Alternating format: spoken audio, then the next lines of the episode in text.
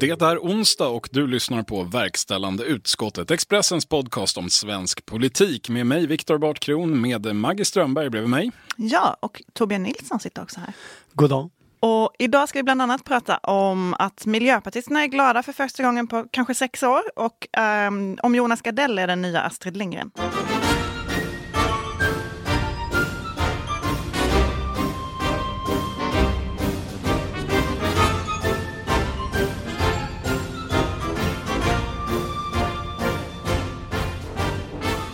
Ja, och vi börjar i de fullständigt omvälvande nyheterna. Miljöpartiet har firat en framgång. Maggie, vad är det som har hänt? I måndags så berättade Preem att eh, de drar tillbaka ansökan om att bygga ut raffinaderiet i Lysekil. En eh, av höstens och, och flera år tillbaka stora eh, politiska stridsfrågor som bara plötsligt tvärdog. Företaget har jätteproblem med ekonomin, kunde Dagens Nyheter avslöja samma dag. Och företaget säger själv att det är den minskade efterfrågan på drivmedel och anger också corona Eh, situationen som ett skäl, men också regeringens nya eh, politik med mer ambitiös reduktionsplikt och olika investeringar och många sådana tekniska saker. Ja, precis. Vi ska säga det, den här, den här ansökan om att få bygga ut det här raffinaderiet lämnades ju in redan 2016 om jag minns rätt. Eh, den har gått igenom i både Eh, mark och miljödomstolen och överdomstolen. Precis. Men sen har då regeringen satt sig själv som överprövande instans här och, och där låg frågan nu då. De, den har lyfts upp till regeringens bord precis och det har ju varit en process där hos juristerna på miljödepartementet eh, och har ju aviserats att det ska komma ett beslut här under hösten. Ehm, men, det men alla, tolkar ju det här, alla tolkar ju det här som en politisk konflikt. Alltså Miljöpartiets poängen med att lyfta den här frågan till regeringen har ju varit att Miljöpartiet har velat stoppa det. Ja, och det har ju partiet eh, den senaste tiden varit väldigt tydlig med. Eh, talespersonen Lorentz Tovatt har ju varit ute och, och, sagt det rakt ut. Innan dess har det lite mer ja. flugit. Ja, men, det, det, finns en hel, det finns många förklaringar i Sverige, du nämnde några av dem. Men, men känslan är ju ändå att det här är den... En, alltså, Miljöpartiet är ett parti som historiskt har gillat sina trofésegrar. Eh, det här är väl den största trofén man kan tänka sig på det klimatpolitiska området just nu. Känslan är att de inte har haft så här roligt sen Gustav Fridolin badade fontän på Södermalm med Feministiskt initiativ efter EU-valet i maj 2014. Jag var där, som Vida Andersson brukar skriva.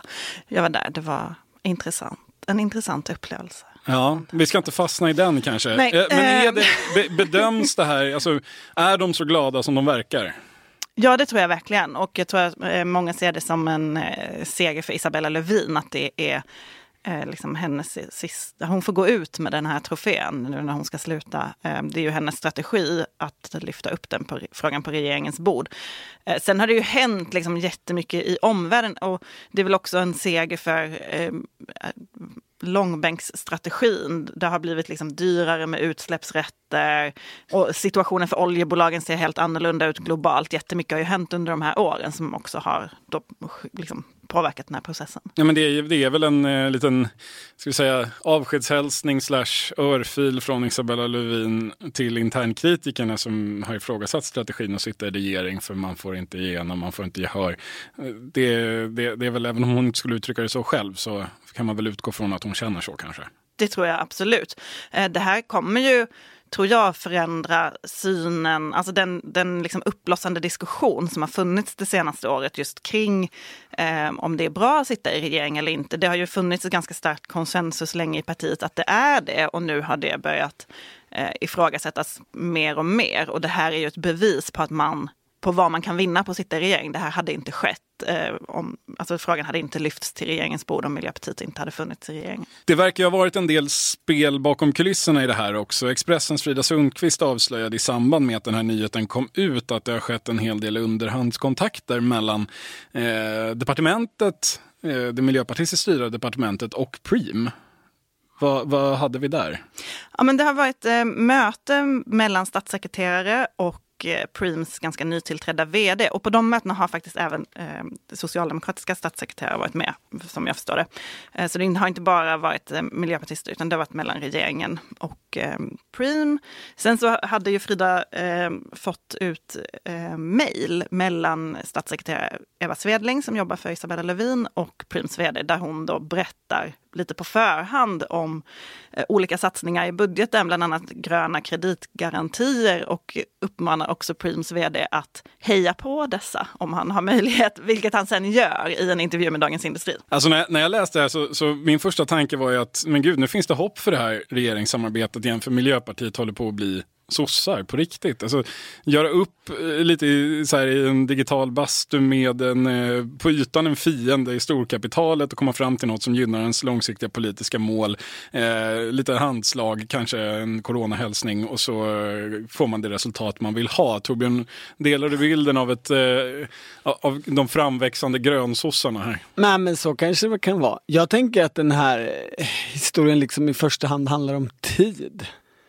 Alltså dels i det här hur, hur fort liksom klimatpolitiken rör sig och förutsättningarna eh, för allting liksom som har med klimat att göra. Det, det är väl liksom fem år sedan Preem lämnade in den här ansökan och på den tiden har ju inte bara de ekonomiska förutsättningarna eh, för Preem förändrats med, som, som Maggie var inne på, liksom utsläppsrättsförändring, pris, priset har förändrats på utsläppsrätter och sådär, utan också hela den liksom ja, men medial och samhälleliga eh, krismedvetenheten.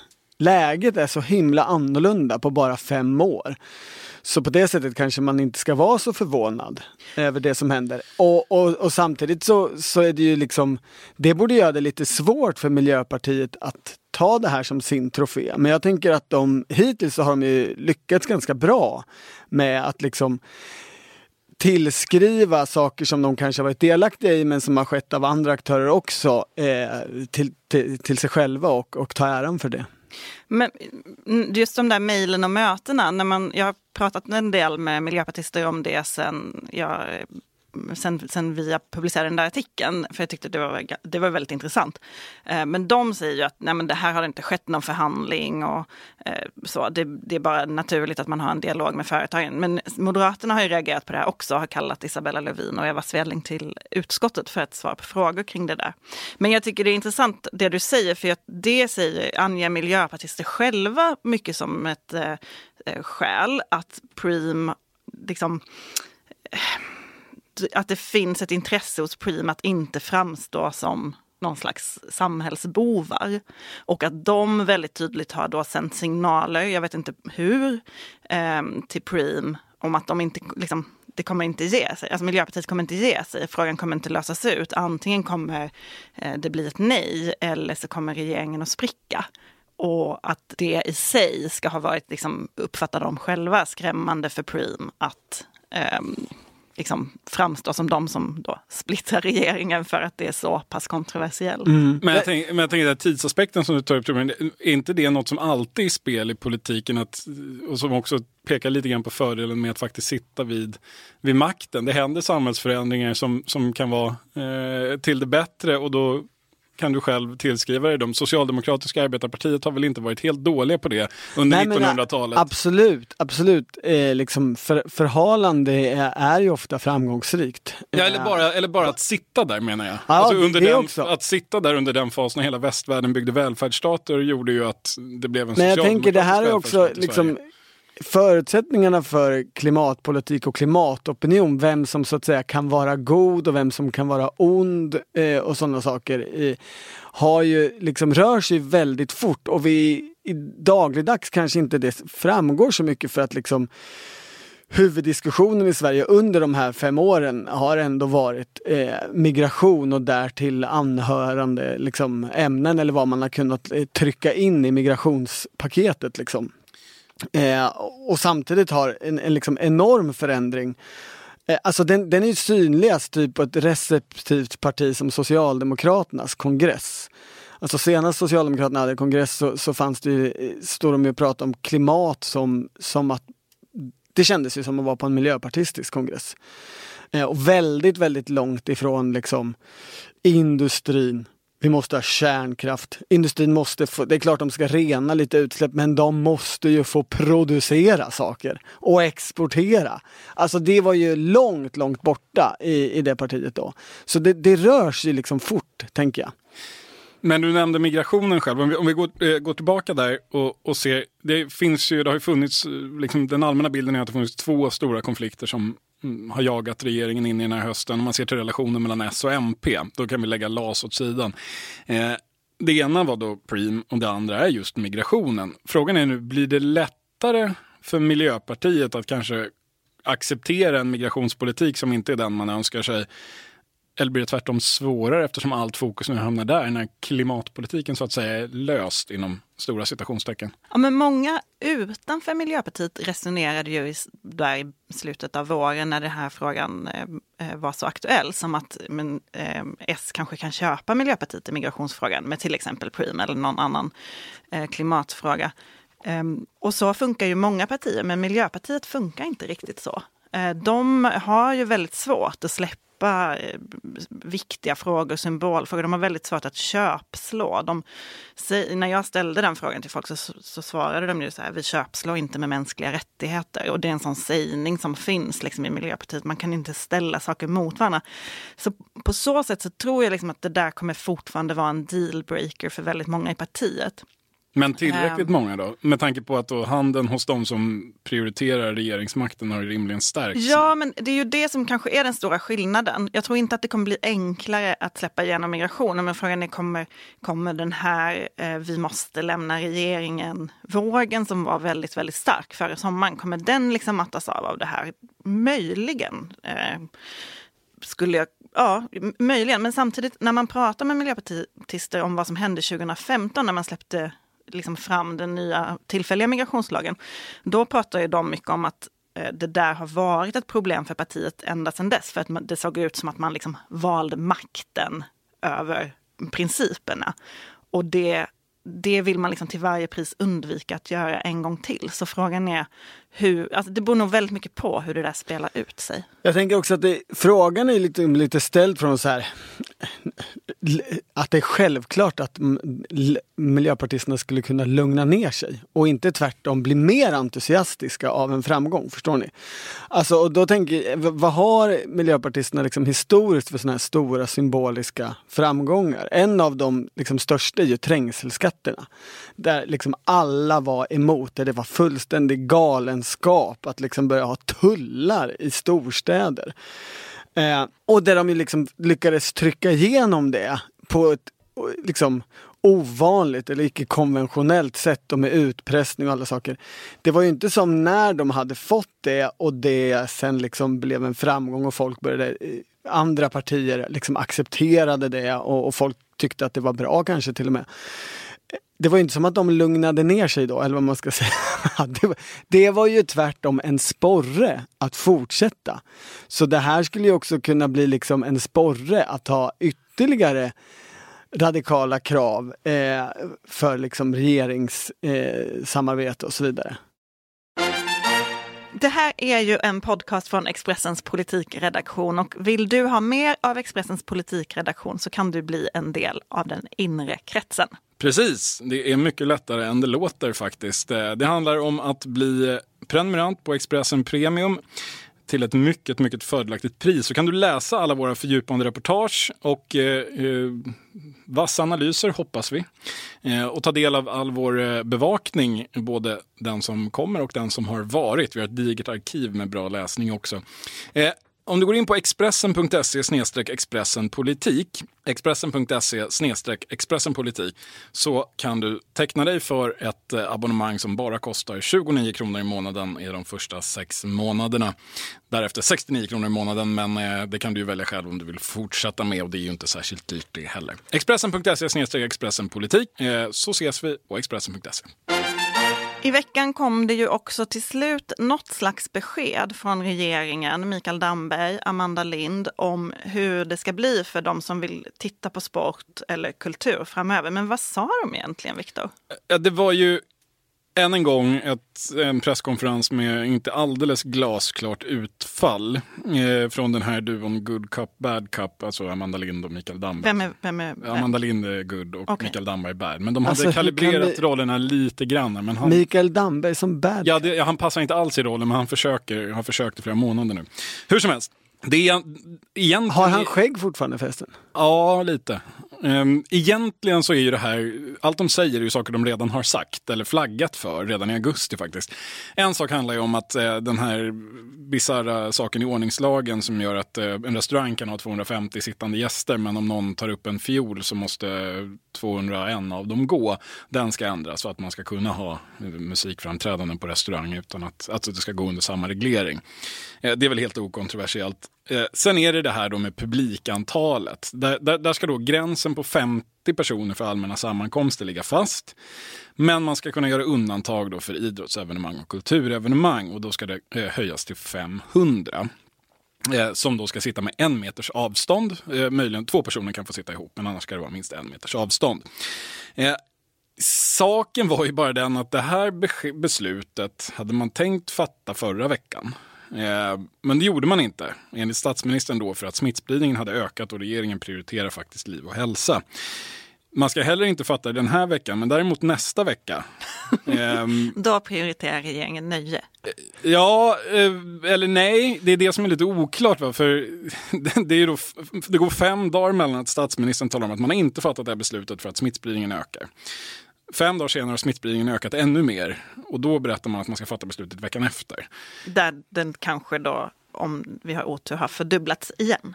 Eller? Det är väl ingenting egentligen nu som talar för att den har minskat dramatiskt i alla fall. Så vi får väl se hur det blir. Men det här pekar väl lite på vilken eh, märklig, märklig sits man har satt sig i när det gäller det här. Det verkar lite snurrigt. Det verkar ganska snurrigt. Och, De eh, skulle gjort det enklare för sig om de hade löst det här i juli istället. ja, Därför då hade det liksom hängt ihop med, med smittkurvan och eh, den förväntade, får man ju säga, många har ju räknat med att, att, att smittan ska öka nu under hösten. Då är det svårt att liksom komma och samtidigt ha en, en uppluckrande politik. Precis, det finns ingen logik i det här. Alltså det, det skulle i så fall ha kommit tidigare då, ja. Men, men det finns ju en annan bristande logik också. Det är att man pratar om att arrangera smittsäkra evenemang med 500 personer och social distanseringsapparat entré. Alltså ett smittsäkert evenemang borde ju rimligen inte, eh, det borde inte spela någon roll hur mycket spritt- smittspridning det finns om det är ett smittsäkert evenemang. Nej. Det är en annan bristande logik där. Jag tror ett grundproblem är att regeringen har inte förmått eller vågat eller velat eh, tänka ut en egen självständig hållning till hur vi ska hantera det här viruset faktiskt. Eh, I alla fall inte på det här sättet. Och det är de i och för sig inte ensamma om bland partierna, men, men problem, det problematiska i det blir ju väldigt tydligt här. För, för egentligen så här, det, de bristande, den bristande logiken i det här argumentet, vad, vad handlar det om egentligen? Jo, det handlar ju om att man inser, även om man inte kanske har velat säga det riktigt så tydligt eller inte förmått, det här är otroligt långsiktigt. Alltså lyssnar man på Folkhälsomyndigheten så det här viruset kommer inte försvinna. Eh, vaccin säger ju Tegnell och Johan Carlsson, det är bara en del, vi behöver göra andra saker också. Okej. Vi pratar liksom inte om årsskiftet här, vi pratar inte om månader, vi pratar om en, ett perspektiv på flera år. Mm. Och då känner man ju att det finns ett tryck, att då måste vi hitta en annan avvägning mellan, eh, mellan risk och ehm, Eh, och ändå liksom möjligheten att leva ett fritt Glädje. öppet liv. Ja, glädje, livsglädje, eh, ekonomiska verksamheter. Det är Mikael Damberg emot. Han kommer där med sitt skägg och är Ja. emot livsglädje. Ja, och är den så dåliga kanske. polisen. Nej, men, eh, men, men däremot så det är ju det det här handlar om, att försöka hitta någonting som, som ändå tillåter lite mer. Men man kan samtidigt inte säga det, utan man backar hela tiden tillbaka i att eh, liv och hälsa, Folkhälsomyndigheten ska bestämma. Och det gör ju att man får väldigt, väldigt svårt att peka ut någon form av riktning i det här. Men, men blir det inte politiskt bråk om det här? Alltså jag tänker det finns ju även, eh, liksom, om smittan ökar, vilket ju saker tyder på, särskilt i Stockholmsområdet. Eh, då, då kommer vi ändå inte tillbaks till den politiska situation som var i våras. Alltså det finns ju ingenting som t- talar för att någon slags sån här borgfred skulle återuppstå. Så jag tänker att om också detta kommer det bli, borde det bli eh, liksom mer politiskt bråk. Men jag tycker eh, det är också väldigt svårt att följa partierna. Eller, ta, ta Kristdemokraterna till exempel. Um, så fort Ebba Busch har fått frågor om eh, liksom äldrevården i Stockholm, som ju Kristdemokraterna är ansvarig för, då har hon hela tiden hänvisat till att men vi var väldigt tidiga med att införa besöksförbud. Sen var hon den som tog strid mot besöksförbud för att det eh, var, var omänskligt. för gamla för, människor. Ja. Eh, men de har också varit de som har sagt vi är tveksamma till att vi ska öppna skolorna igen. Alltså de driver liksom alla linjer. Det är kanske inte är så ovanligt i och för sig. Men, men det blir ju väldigt förvirrande.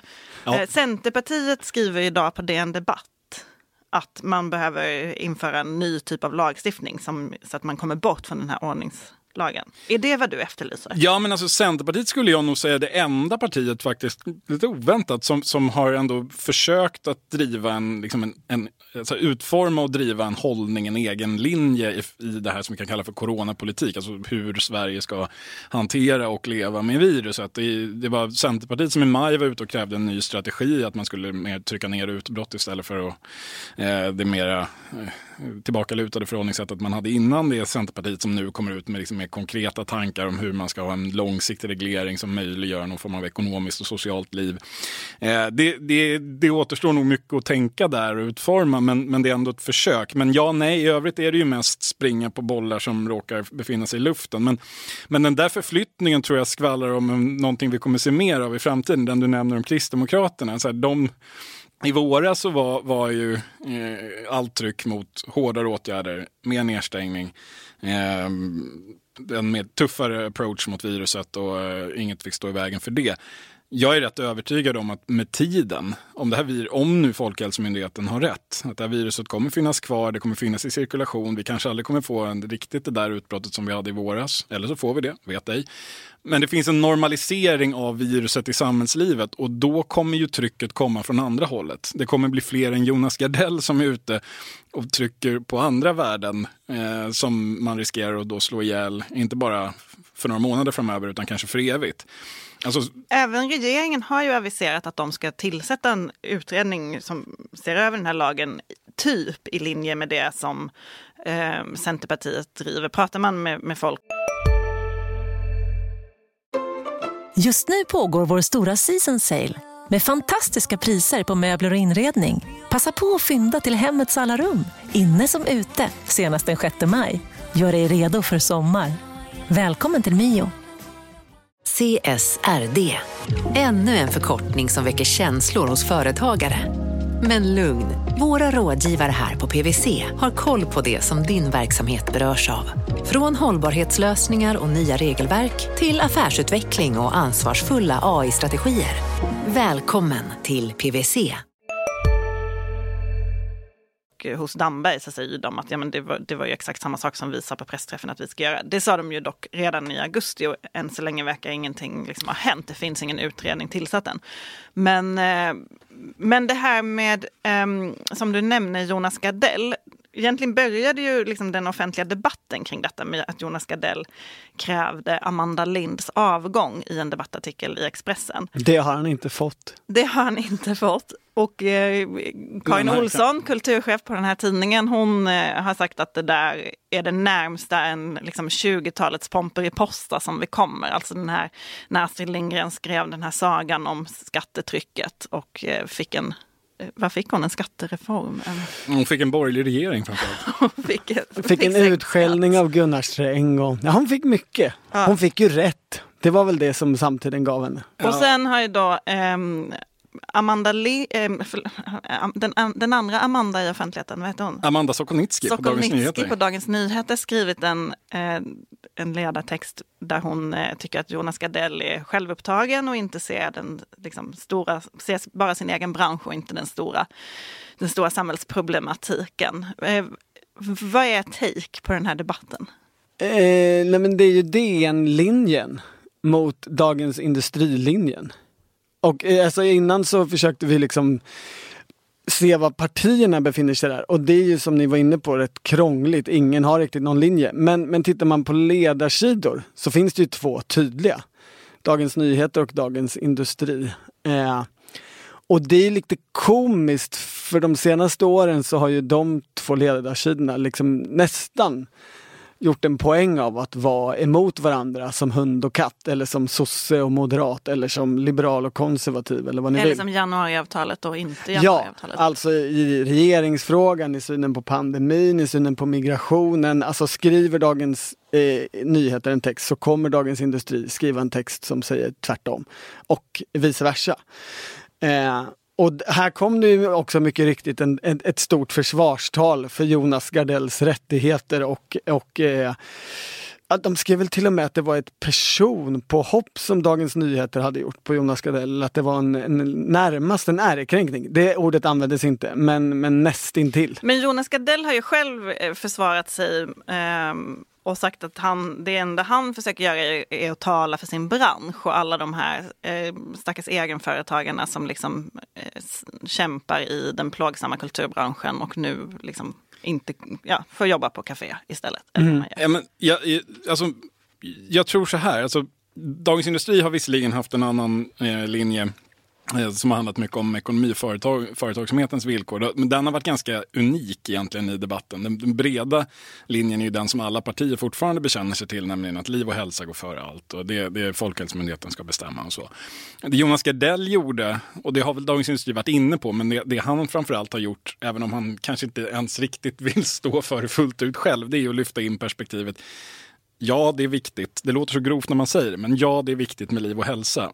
Men ett samhälle har andra värden. Vi måste tänka på vad det är för samhälle vi försöker rädda till liv och hälsa. Och där tror jag att eh, han just nu är eh, ganska ensam i den bredare offentligheten där, där det fortfarande ska jag säga, finns en ganska kompakt uppslutning bakom det du kallar för DN-linjen. Att här, men det är självklart så att det pågår faktiskt en pandemi. Det, det är det minst kontroversiella du kan säga och så vill du att man inte ska få göra vissa saker. Jag tror att det kommer att... Du tror det kommer förändras? Det kommer att förskjutas. Jag menar, om Folkhälsomyndigheten har rätt, det här viruset kommer fortsätta finnas i cirkulation, hotet kommer att finnas kvar. Kommer vi acceptera som land att, eh, och, som, och som politiska partier för den delen att säga nej men det var kul med demokratiska fri och rättigheter under de här hundra åren som vi hade det. Men från och med nu så ligger den yttersta makten över samhällslivet hos en teknokratisk folkhälsojunta som delger sina dekret på en presskonferens i en kontorslokal i Solna klockan 14.00 varje torsdag.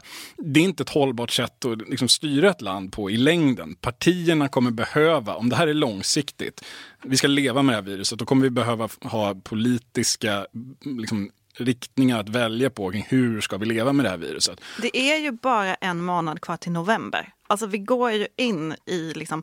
Eländet. Man ska ändå komma ihåg att det, det här kom i mars och vi gick mot ljuset. Precis. Och nu går vi mot den svenska ångesten. Och jag tror det kommer spela jättestor Ja, roll men- om, om smittan ökar samtidigt. Det tror jag kommer ha en liksom påverkan man inte ens kan överblicka just nu. Men det jag tycker är intressant i det där eh, är ju att Alltså, jag uppfattar inte Dagens Industrilinje riktigt som Viktor gör den. Alltså att den från början enkom handlade om att hålla öppet för ekonomin. Nej, det sa jag Och pengarna. Nej, nej, men, men- det, nej, men det, det, är ändå, det var ändå utgångspunkten. I, Ja, men när jag uppfattar att det hela tiden där fanns ett liksom frihetsargument och hela tiden har funnits och det gör ju saken ännu mer intrikat. Alltså ledarsidor har ju liksom enklare att vara tydliga än politiska partier ibland. Ja, men nu har vi de här två kombatanterna, Dagens Industri och Dagens Nyheter. Och om man tittar på liksom i den här gamla regeringsfrågan så argumenterade ju Dagens Industri för att Eh, lite mörker eller lite problem med Sverigedemokraterna. Lätt värt det bara man får pengarna rätt. Alltså skattenivån och eh, företags eh, liksom, villkoren på ett bra sätt. Medan eh, Dagens Nyheter tänkte alldeles tvärtom att eh, man kanske får äta upp att det blir lite sämre eh, ekonomiskt mot vad vi vill ha det. Lite mindre liberal ekonomi. Men vi liksom behåller den liberala demokratin. Och grejen här är, i den här så har de ju hamnat tvärtom. Dagens Industri är ju den tidningen som liksom när, ligger närmast att Gör inte som Kina. Det är farligt om världen stänger ner sina samhällen precis som en diktatur. Bara det är ju liksom skäl att, att, vara, att, att liksom höja varningens finger. Tänk på att, att liksom friheten, öppenheten måste försvaras.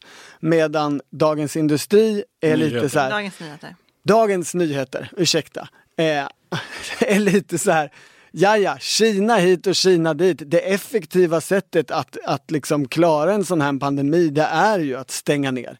På något sätt. Eh, mer nedstängning, mer nedstängning. Inte vi, vi, vi, vi borde liksom, vi tycker om, eh, vi tycker så mycket om ett öppet samhälle att det är värt eh, en del kostnader. Men är inte detta, nu, det här, nu ska jag säga något kontroversiellt, men Ja, äntligen. Eh, jag tror, är det inte, jag, jag tror inte alls att de, de har bytt plats som du säger, för den här liksom ekonomilinjen som Mm. Dagens Industri då företräder, Ja. den ser ju också på liv på ett annat sätt.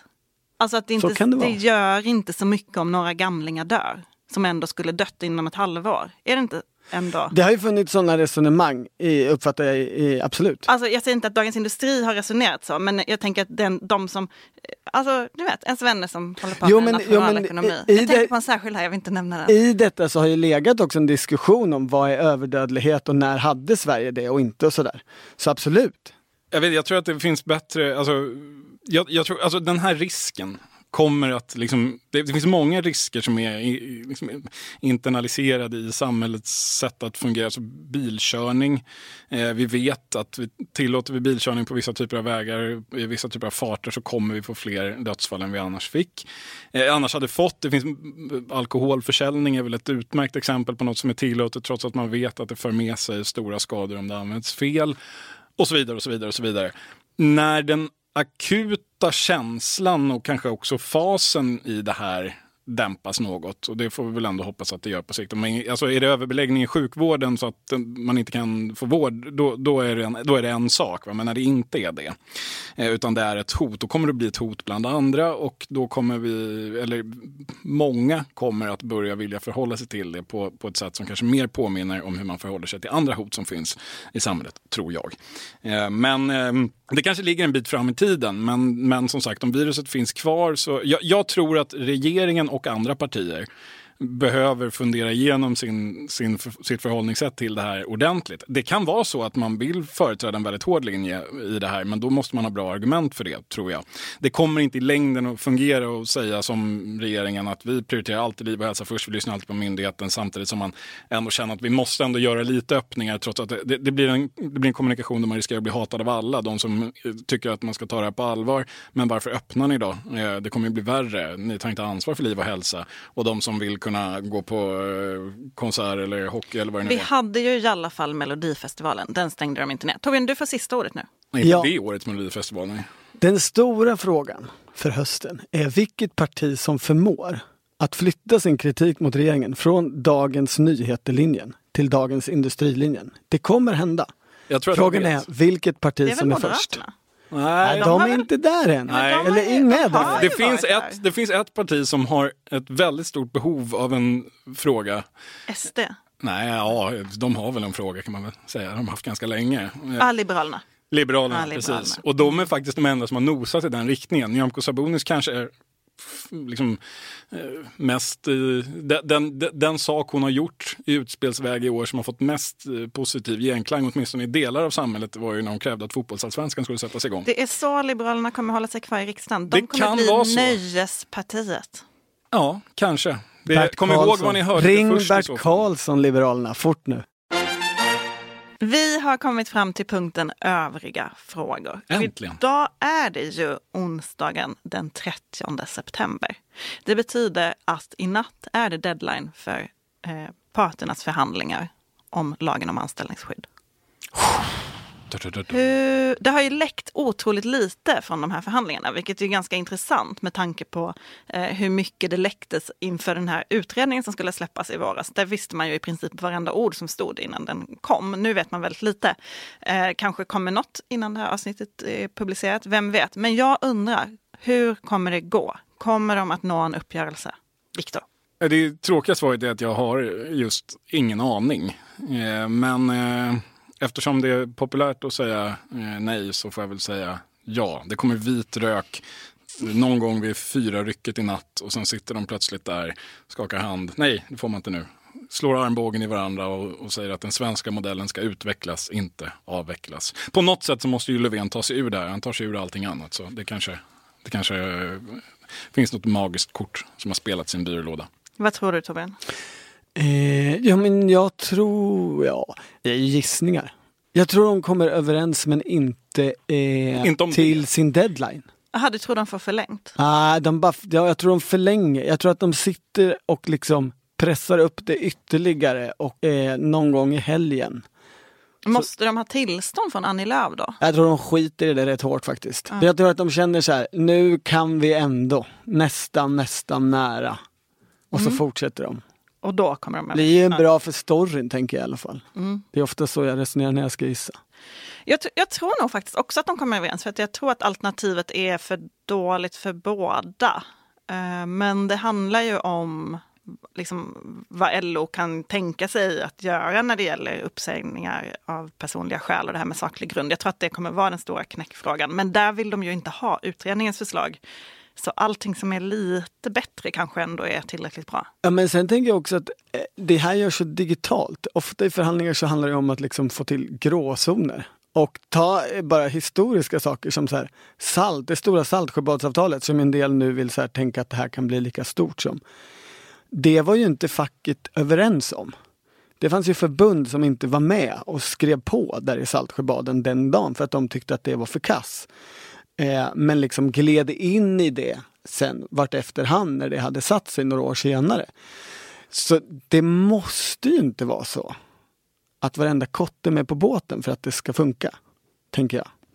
Det finns ett visst, en viss... Baudin kan få säga nej. Ja, han är ju han är en stark röst så det är ju svårt att runda honom. Men det kanske går. Ja, övriga frågor innehåller ju numera eh, alltid punkten nytt från Torbjörn Nilssons bibliotek. Vi kanske ska ta fram en egen jingel till det. Eh, Torbjörn, vad har du läst den här veckan? Har du läst något den här veckan? Ja, jo, jag har läst mycket mest gammalt. Men nytt är, är Johan Norberg har kommit ut med en ny bok. Ni vet han eh, idéhistor- den svenska idéhistorikern som sällan blir recenserad i Dagens Nyheter men alltid i New York Times när han kommer med nya böcker. Är det Blir den? han verkligen inte recenserad i Dagens Nyheter? Ah, ibland kanske. Han skriver väl till och med i Dagens Nyheter ibland? Ja, det Ja, händer. alltså, li- liberalen i Sverige. Ja, men Alltså, framförallt är länge var ju det han som var det. Ja, men det här är en bok som kommer ut för en världspublik och sen översätts till svenska. Och det tänker inte tänker jag, den svenska offentligheten så ofta på. Jag, jag är ambassadör för Johan Norberg i detta. Jag Ja. tycker det är obegripligt att, att en så framgångsrik eh, liksom, politisk skribent inte har är en självklar del av svensk offentlighet. Men nu är han en självklar del av verkställande utskottet. Vad har han skrivit och varför är det intressant? Alltså den här boken, det är en rolig kulturhistorisk grej som handlar om frihandel och öppenhet och migrationsöppenhet. Så det är, ju inga surprises riktigt eh, med Johan Norberg om jag säger så.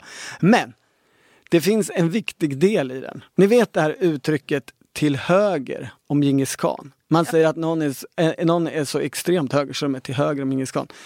Sägs ofta om sossar som folk inte gillar. Ja, eh, mycket oklart var det uttrycket kommer ifrån. Och ännu oklarare är ju vad, vad hade Djingis khan för politiska åsikter så var, var liksom på skalan hamnar man. ska säga att Djingis khan var då mongolhärskaren som la under sig det största landriket i historien. Ja. Någon gång på 1200-talet. Någon gång på 1200-talet, precis. Eh, och ja, men, eh, det Johan Norberg gör i den här boken, det är faktiskt att han passar på att reda ut vad Djingis khan hade för politisk uppfattning. Låt höra. Eh, Enligt Johan Norberg så, så var ju Djingis khan en politiskt korrekt godhetssignalerare.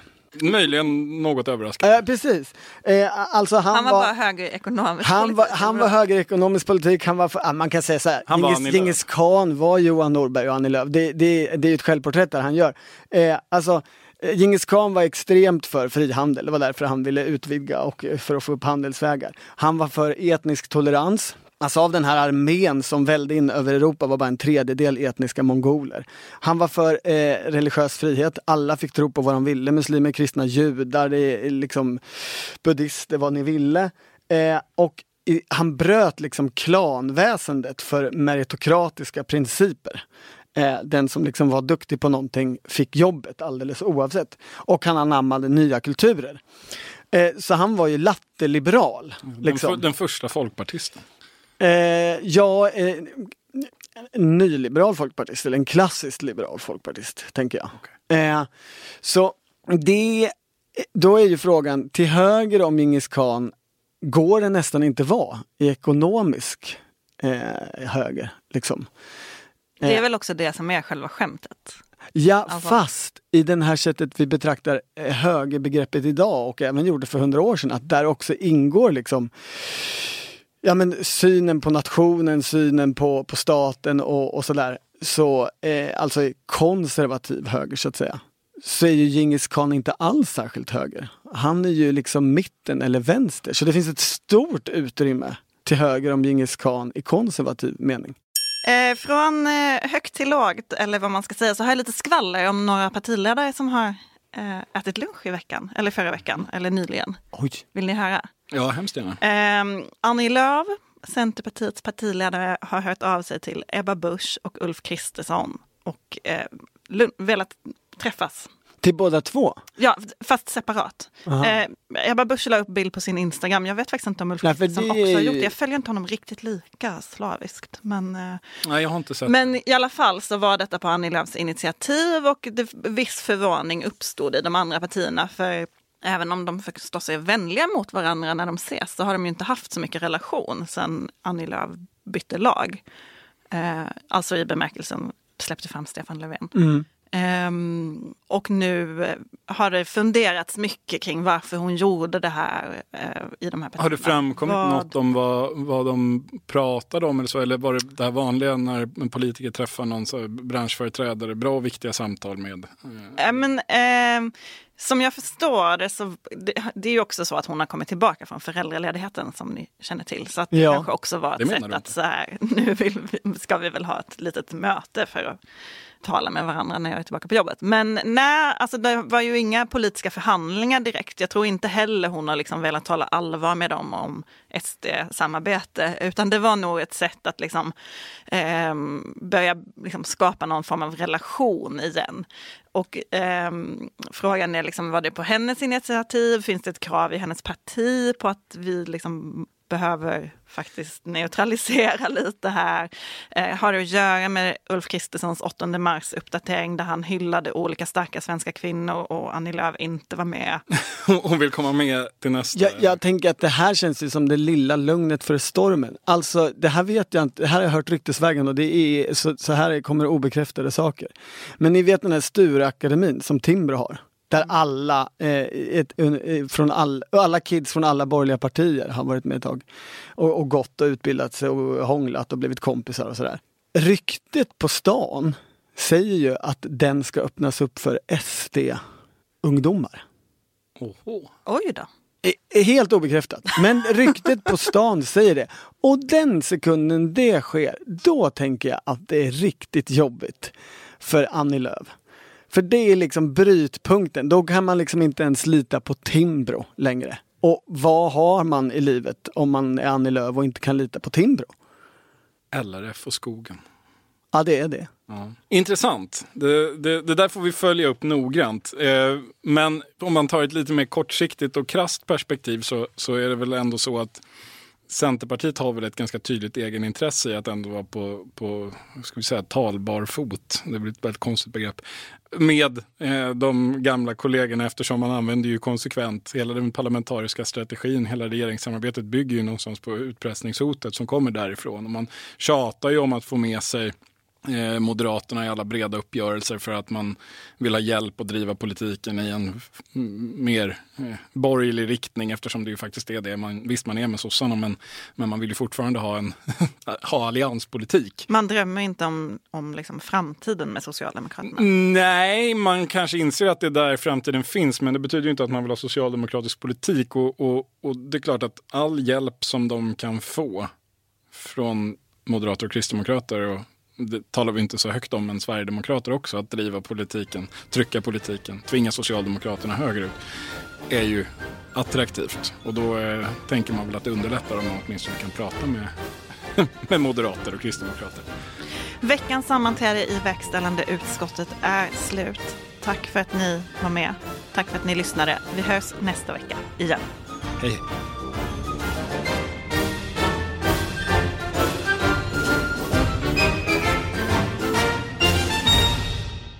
Du har lyssnat på en podcast från Expressen. Ansvarig utgivare Klas Granström. Expressen samarbetar med Podplay, en ny podcastplattform från Bauer Media där du hittar Expressens poddar och förstås även en massa andra poddar. Du kan lyssna antingen via podplay.se eller i appen Podplay.